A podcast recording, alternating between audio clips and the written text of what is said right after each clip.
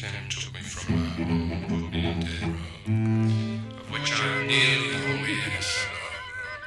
And I I'm not afraid to die. I began to warm and chill. The objects on their fields, a ragged cup, twisted mop, the face of Jesus in my soup. Those sinister dinner deals, on meal trucks, wicked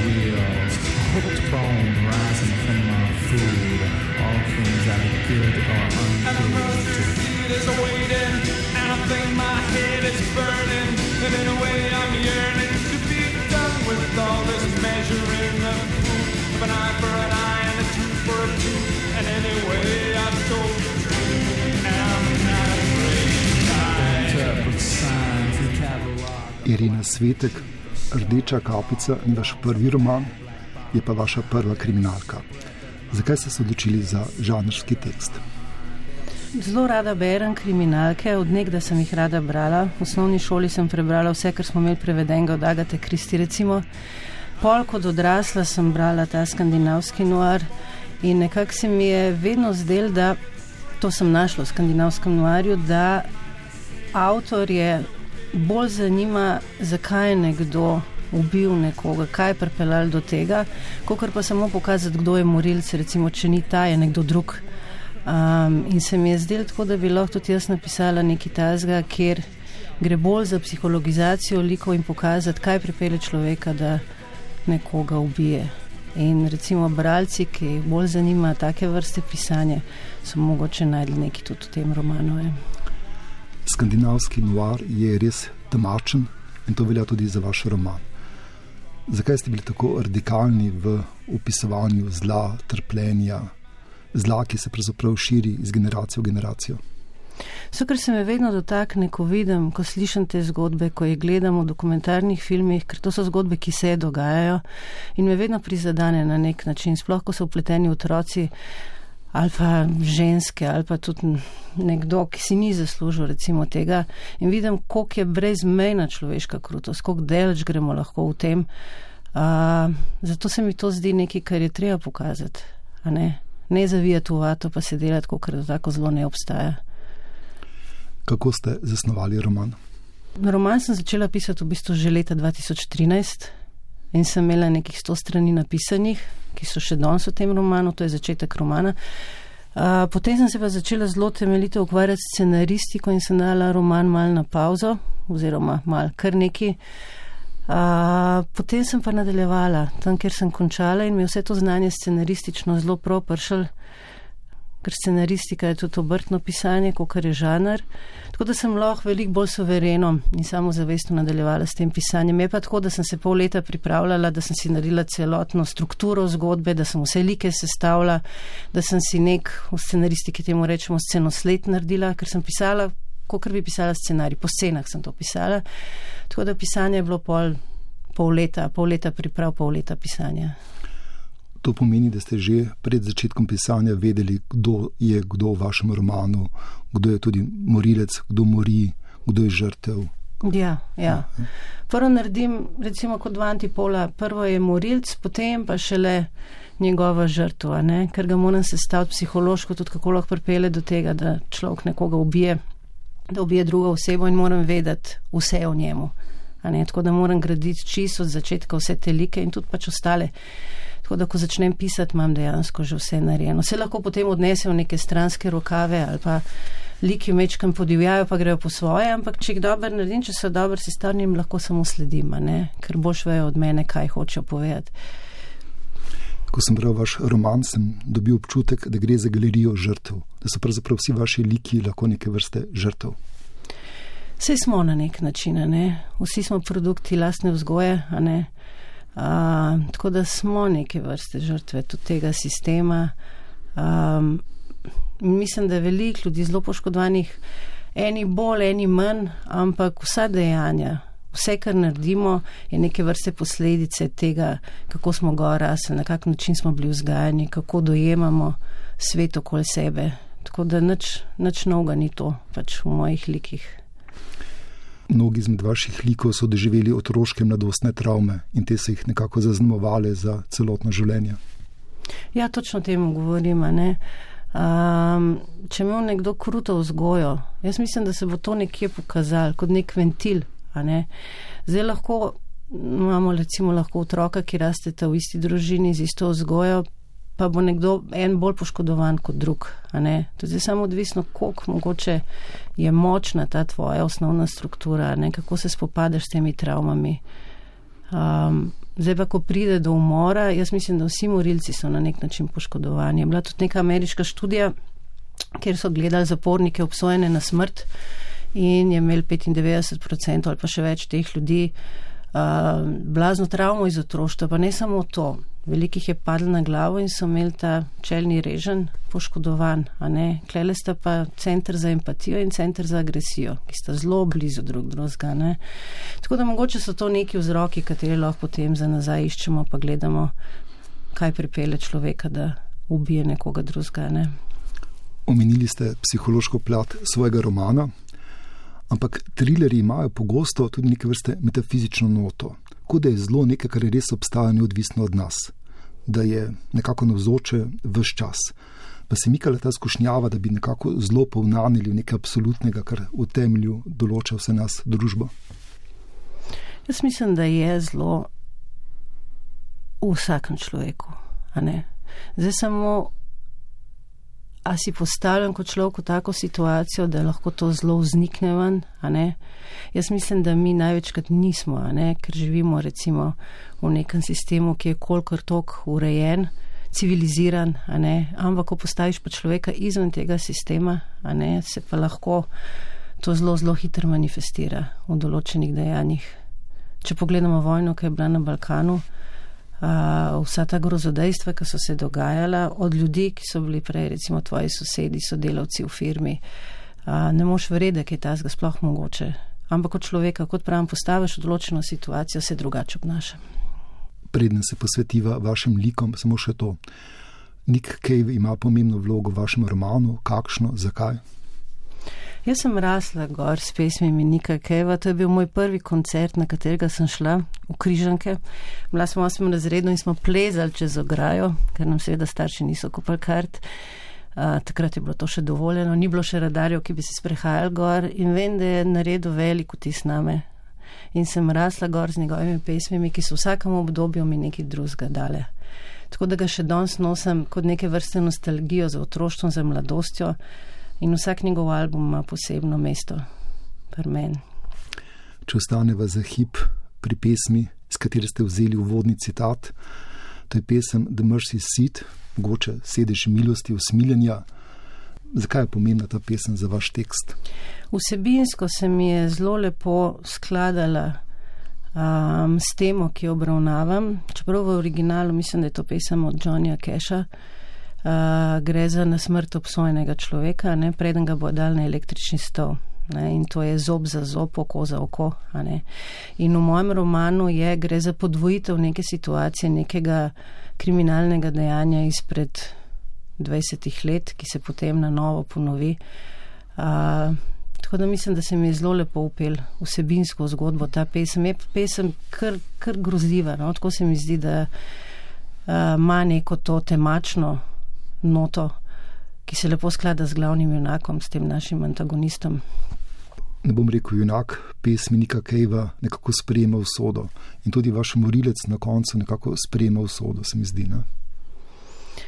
Ja, mislim, da se je ta pesem kar nekako mi, se sem, ni mi padla kar tako, da bi slučajno, mm. ampak sem prav brala besedila različnih pesmi. Uh, hotla sem pa imeti nekaj keve in potem sem prišla do The Mercy Seat in se mi je zelo lepo pokril z vsebino. Kdo so junaki oziroma antijunaki vašega romana? In junakinje in antijunakinje? Jaz zdaj ne bi preveč izdala, ampak kot veste, da ta antijunak, uh, antagonist, ni morilc na nek način, ne? ampak je vzvod, vsebinski vzvod, ki pripelje do tega, da lahko vidimo, kdo je morilc, ker je vse povezano z njim iz njegovo zgodbo, z njegovim življenjem, z njegovimi dejanji, kar pripelje potem do umora.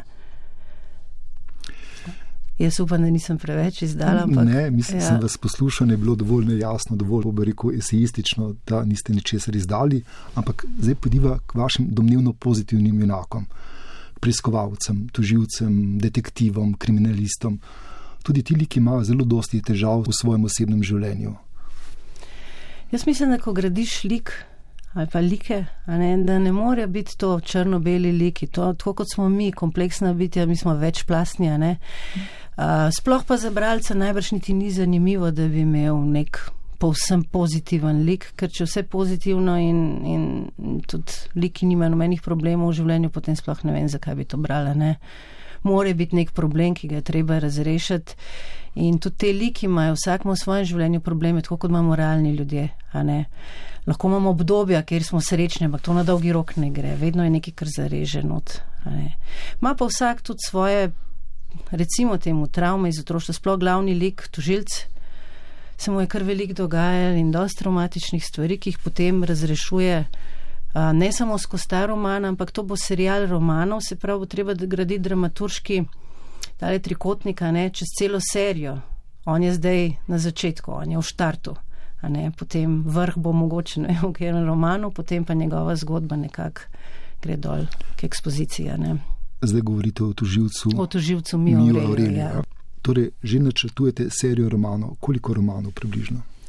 Ne, zdaj drugi je spisan, izide drugo leto maja meseca pri Beletrini, tretji je že struktura nekako narejena, tako da mogoče ta bo prva neke vrste trilogija, ker se vsebinsko mečka navezujejo, potem pa ne vem, dokler, dokler bo želja, dokler se mi bo dal. Ampak drugi roman je, sem črpala iz slovanske oziroma slovenske mitologije, ki je zelo krasna, o kateri zelo malo vemo. Vemo veliko grški, imamo pa tudi mi zelo zanimive zgodbe. Tako da to je potem nadaljevanje rdeče kapice. Ob psihološki razsežnosti vašega romana je naslednja odlika zagotovo tudi neke vrste verjetnost. Marsikateri opis je zelo natančen, govorim o opisih lokacij, delovnih procesih in tako naprej. Naprimer, zakaj ste izbrali Kodeljevo, oziroma kako ste izbirali neke te faktografske razsežnosti? Uh, živim zelo blizu Kodeljeva pod Golovcem in ko je bila moja hčerka še mehna, smo bili vsak dan v tem parku. Ure in ure sem presedela v peskovniku, ki je bil včasih v Kodeljevu in poznam vsa drevesa, poznam to gostilno zelo dobro, veliko časa smo bili tam.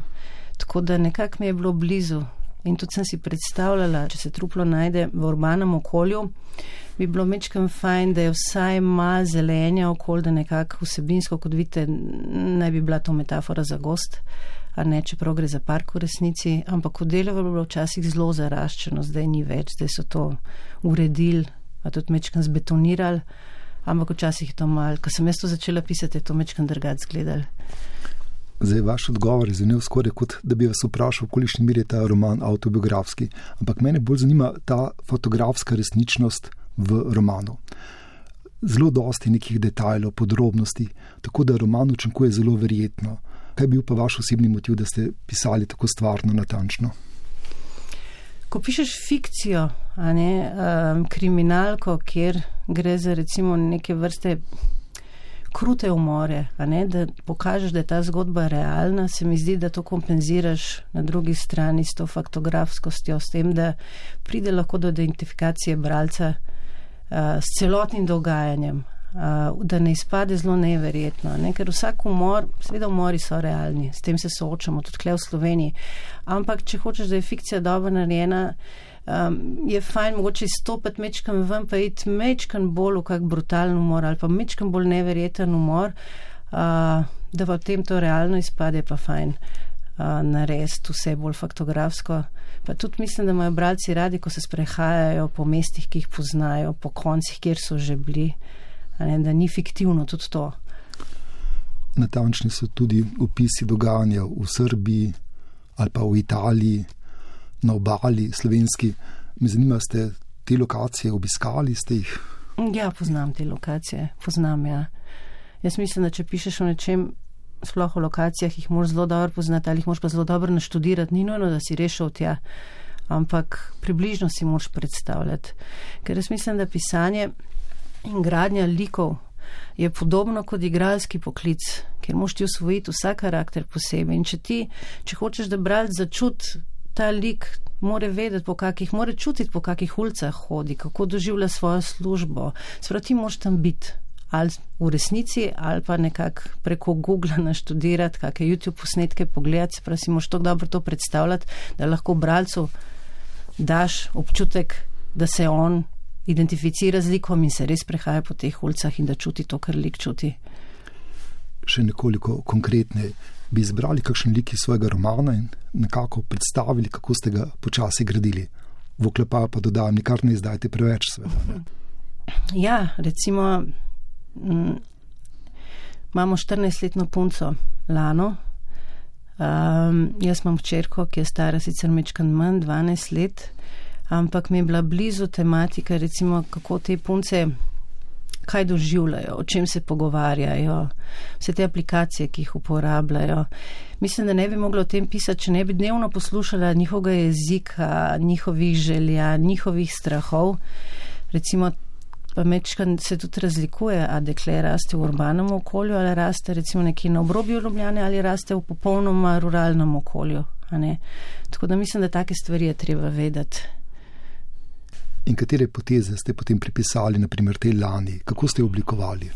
To je dekle, ki raste tukaj na Kodeljevem, to je zelo bogate družine, dobro situirane družine. Poznam kar nekaj takih družin, tako da sem se lahko jaz sama poistovetila, tudi z razmišljanjem teh likov, ki rastejo v takih, recimo, temu vilah, um, in tudi kako otroci, ker starši veliko delajo in nimajo časa za njih, imajo pa vse na tem svetu. Imajo, recimo, starši dajo tudi poznan tak primer, dajo otroku denar oziroma kar kartice jim dajo in te otroci imajo neomejen dostop do dejansko česar, kol si želijo.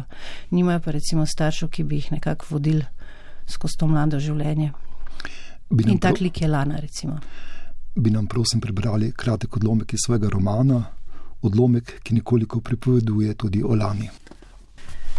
Življenje na Kodeljevem je zarezalo v Lanino bistvo in ga začelo spreminjati. Matej Kolarič, član uprave Darsa, je dan začenjal v petih zjutraj, domov je prihajal včasih tudi po osmi uri zvečer. Nives Kolarič je delala kot sekretarka na Ministrstvu za zdravje in je bila prav tako kot mož precej zaposlena. Lana, ki je še vedno hodila v osnovno šolo Kolezija v Murglah, saj je tam imela bolj kot ne vse prijatelje in šole ni želela menjati, je postajala objesno dekle, kar prej nikoli ni bila. Tako se je izrazila njena razredničarka, ki je zaradi laninega obnašanja poklicala starša na pogovor v šolo. Matej in Nive sta s težavo uskladila datum in uro, ko sta se sestanka lahko udeležila oba. Objestna? V kakšnem smislu? je vprašala Nives Kolarič razredničarko, ko sta z možem sedela pri njej v šolski učilnici in čakala, kaj ima povedati. Zajedljiva je postala. Matej se je nasmehnil. Kaj niso vsi najstniki nekoliko zajedljivi? Veste, ne želim biti usiljiva, vendar vas moram vprašati, se razen selitve pri vas doma dogaja še kaj drugega? Nive se je presenečeno zazrla v bredo Jevnikar, 60-letno učiteljico slovenščine, ki je bila na osnovni šoli Kolezija zaposlena vse od njene ustanovitve leta 1987. Kako to mislite? Breda Jevnikar je gledala v zakonca Kolarič, ki sta sedela na drugi strani mize. Opazila je, da je Matej bere verze pesmi Ivana Minatija, nekoga moraš imeti rad, ki so jo učenci napisali na papir in obesili na tablo. Iz žepa izvlekla robček in si vanj obrisala nos. Oprostite, Nive se gledala učiteljico, ki je umazan robček pospravila nazaj v žep hlač. Moja dožnost je, da preverim, kaj se dogaja doma, če pri otroku opazim kakršne koli vedenske spremembe. Zato vas sprašujem, še vedno ne razumem, kaj mislite. V šolo ste naj poklicali, zahtevali, da prideva oba. Se mogoče ločujete? Prosim, Nives ni mogla skriti presenečenja. Odkot vam take ideje? Matej svojo dlan položil čez ženino in je s tem dal vedeti, da želi, da ostane mirna. Zazrl se je oči razredničarke.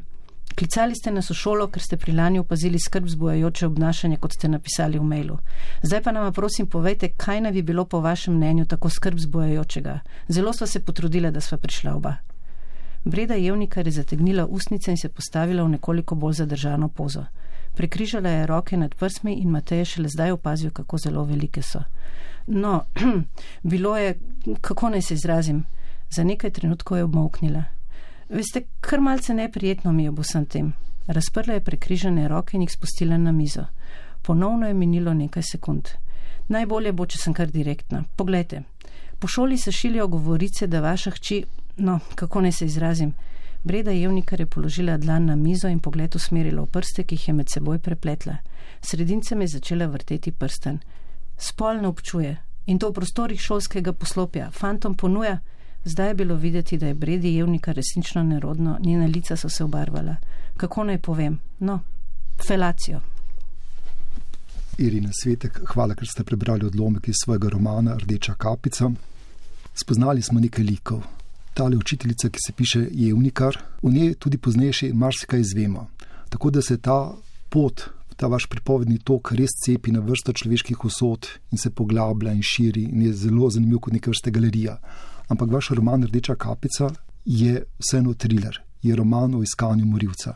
Pa me zanima, kako ste odkali to iskanje morilca, ta procesni del kriminalke v svoj roman. Veliko sem pregledala dokumentarnih, igrano dokumentarnih oddaj na uh, Investigation Discovery, to je program, um, kjer se zelo posvečajo forenziki in tam sem se tega ogromno naučila. Ogromno, ogromno teh postopkov um, raziskovalnih, tako da recimo vem, kaj je luminol in vse te ostale stvari. Mi ni bilo treba posebej še iskati, da sem vedela take stvari. Se mi zdi, da sem jih tako kot drobtince natrosla čez cel roman, da če jih bralc dviguje, ne, potem sicer ga pelejo v napačno smer, pa potem spet nazaj, pa spet v napačno smer, ampak na koncu ga tako kot tožilca in kriminaliste pripeljejo pač do morilca kot avtorica uporabljate različne pripovedne postopke. Eden izmed njih je tudi ta, da včasih izpuščate osebek v svojih stavkih, tako da je bralec bralka nekoliko izgubljen, izgubljena, ker ne ve, kdo je ta, ki se mu to in to dogaja.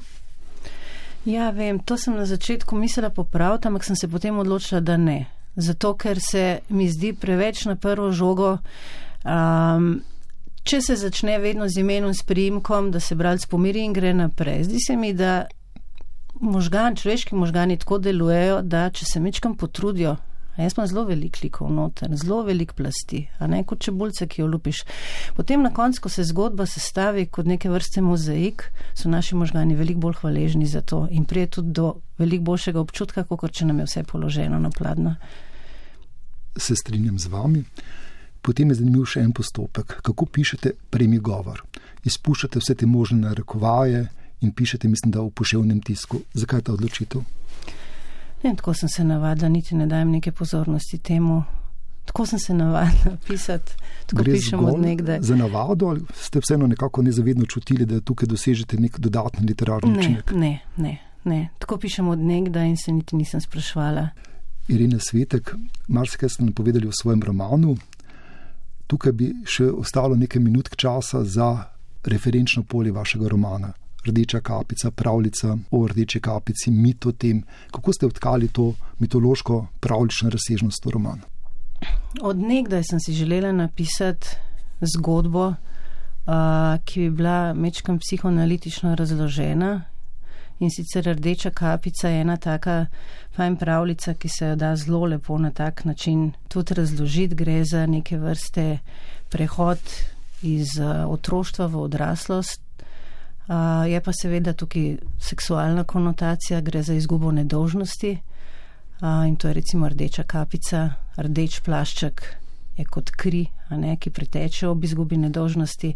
Gre pa seveda, če razložimo to iz Freudom, za prehod iz imaginarnega v simbolno. Se pravi, v otroštvu vse je dovoljeno, potem, ko greš v simbolno, so pa tukaj prepovedi um, način, na katerega se treba obnašati v družbi, se pravi, gre v stop v družbo, gre za vstop v družbo.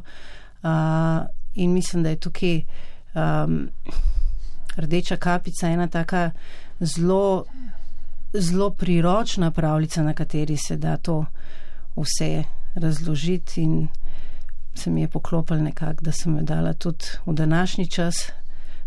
Z, sicer prvo sem mislila, da bi, bi, da bi bila punca mečkan mlajša, ampak se mi je zdel mečkan preveč. Tako da jaz mislim, da tudi z leti se nekako to poklopi, kot dekle dobi menstruacijo, se pravi, in gre tudi iz tega imaginarnega v simbolni svet, iz otroštva v odraslost. Zelo mimo grede. Edina taka podrobnost, ki me je nekoliko zmotila v vašem romanu, je ta, da imajo lahko najstniki zabavo zgolj do 9. ure. To se mi zdi nekoliko neverjetno. Takrat recimo starši pridejo domov, ne? recimo, a ne, tako so vajeni, a ne, ampak to so 13 let stare punce, jaz ne vem, ker sem bila jaz toliko stara, a ne, to je bilo tudi nekje do 9, 10, kaj pa vem. Zdaj pa spet odvisno, eni starši dovolijo do 9, eni še manj, eni pa dovolijo lahko tudi do 3 zjutraj. Vrniva se k vašemu romanu. Povedali ste, kako ste se odločili kot avtorica, kaj poveste, koliko poveste, na način, kako poveste, ampak nekaterih posebej brutalnih prizorov pa niste opisali. Na nek način ste se kot avtorica ustavili, prepustili nekoliko tudi bravčevi domišlji, da si predstavlja nek prizor. Pa me zanima, zakaj. V Avantgardi je bilo recimo zelo popularen postopek z opisom nekih brutalnih um, dejanj in sicer šokiraj meč, meščana. Ampak jaz mislim, da je to povsem nepotrebno, zato ker če greš ti v upis res takih hudo, hudo brutalnih dejanj, mislim, da s tem zgrešiš bistvo, ker mislim, da če samo nastavke narediš, da si lahko vsak to po svoje predstavlja, bo še bolj zarezal uh, v naše možgane, ker si bo vsak te lukne zafilo po svoje. In to je lahko veliko večji učinek, kot če jaz opisujem zelo detaljno take stvari. Zna biti tudi, da je bralce potem to težko brati. To so že tako težke teme, ki so obravnavane not v romanu. Ne vem, zakaj bi mogla iti čist do konca in s tem samo šokirati uh, bralca. Jaz mislim, da je bož, da se mu prepusti, da sam si predstavlja. Naj povem poslušalkam in poslušalcem, da sem med vašim odgovorom prekimal. Marsikaj ste nam že povedali v svojem romanu Rdeča kapica, tudi o nastanku, zasnovi, nadaljevanju celo. Zdaj me pa zanima vaš pisateljski užitek. Mogoče kakšen ritual, ki je spremljal nastajanje romana, predvsem pa ta užitek v ustvarjanju, snovanju likov, zapletov. Ja, pisanje pri meni se ne začne s pisanjem, ne, ampak se začne z ustvarjanjem zgodbe, se pravi s kreiranjem zgodbe in to je poseben užitek, ko dobiš idejo in potem vidiš, kako se ideja počasi začne realizirati, kako liki nastajajo, še preden začneš pisati. Potem, ko začnem pisati, to je neke vrste drugi del. In ko se mi zgodba začne sestavljati, ko vidim, kako se strani množijo, kako se brusi tekst in kako te junaki oživ, oživijo počasi, to je tudi užitek, neverjeten užitek. Um, je pa veliko trdega dela, ogromno, ogromno trdega dela, ko se ti zaštrika neki, pa si utrujen, pa vidiš, da si mislil, da boš deset strani napisal, pa si komi na eni strani pa pol. Ampak potem, ko to presežeš in ko se zgodba začne zaokroževati, zaključovati, to je pa on ultimativni užitek. Seveda potem, če je dobra percepcija pri bralcih, to je potem samo še um, pika na i. Kaj vam pomeni mnenje kritike? Kritiko dojemam veliko bolj konstruktivno, kot sem jo, ko sem bila mlajša. Um, kritika je namenjena temu, da upozori na nekaj, kar nisi dobro naredil. In največkrat zdaj, ko sem starejša, se strinjam s tem in probam poiskati not znotraj kritike nekaj, kar bi bilo treba izboljšati. Ko sem bila mlajša, sem reagirala recimo leto primerno temu, mi je bila kritika nekaj, kar ne razumejo oni, kaj sem jaz hotela povedati. Zdaj pa kritika se mi zdi nekaj pozitivnega. Irina Svetek, hvala za vaš roman Rdeča kapica in hvala za pogovor. Hvala tudi vam.